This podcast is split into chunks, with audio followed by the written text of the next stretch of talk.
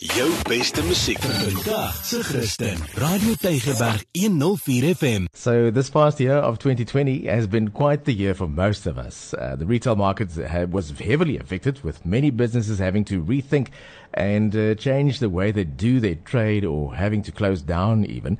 But with every uh, challenge, there is opportunity and it's always great to get an idea of, you know, where the market is at. This morning, I chat to Andrew Weinberg, the CEO of 2Engage, to get an idea of the predictions where it concerns trends in the loyalty and reward space in our retail market. Uh, so, a very good morning to you, Andrew, and welcome to the show. Uh, good morning, uh, Andrew, so I think, you know, let's first chat about the loyalty and rewards space. How exactly do we as consumers benefit?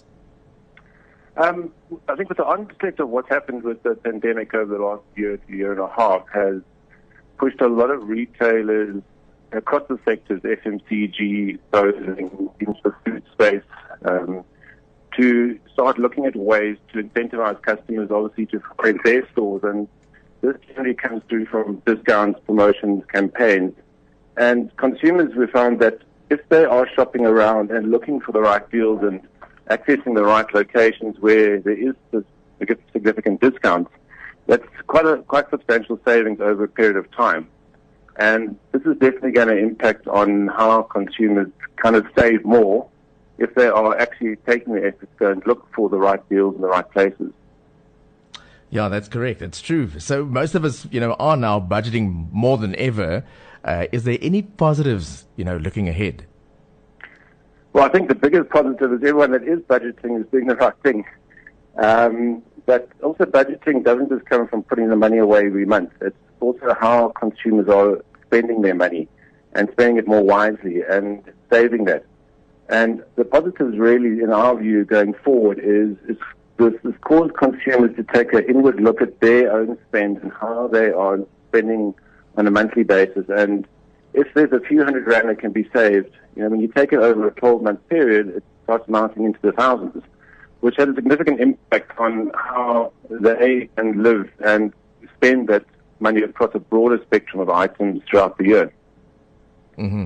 So we can be, you know, uh, as customers, we can be quite brand loyal.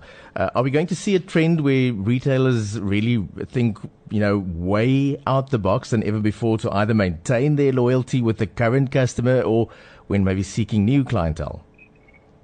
Um, I think definitely what we've witnessed in, in our business across many programs is there's the retailers that are stepping out of the box to come up with innovative ways to reward or incentivize the customer further from free deliveries, which they never maybe did before, to specific promotions on specific days that they never really ran or they ran only month-end specials.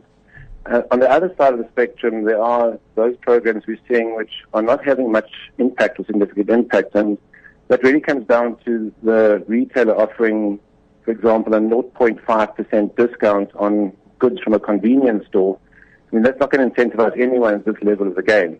You know, there needs to be a significant impact in the consumer's pocket to actually change that behavior going forward. Yeah, well, I think all of us um, are really looking for ways to, you know, save money.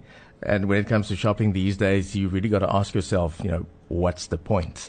In other words, you know, what points do I get when I purchase mm. my goods at a certain store?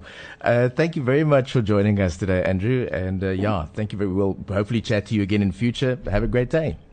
It's a pleasure and keep saving. Thank you very much. Jou beste musiek vandag se Christen. Radio Tygerberg 104 FM.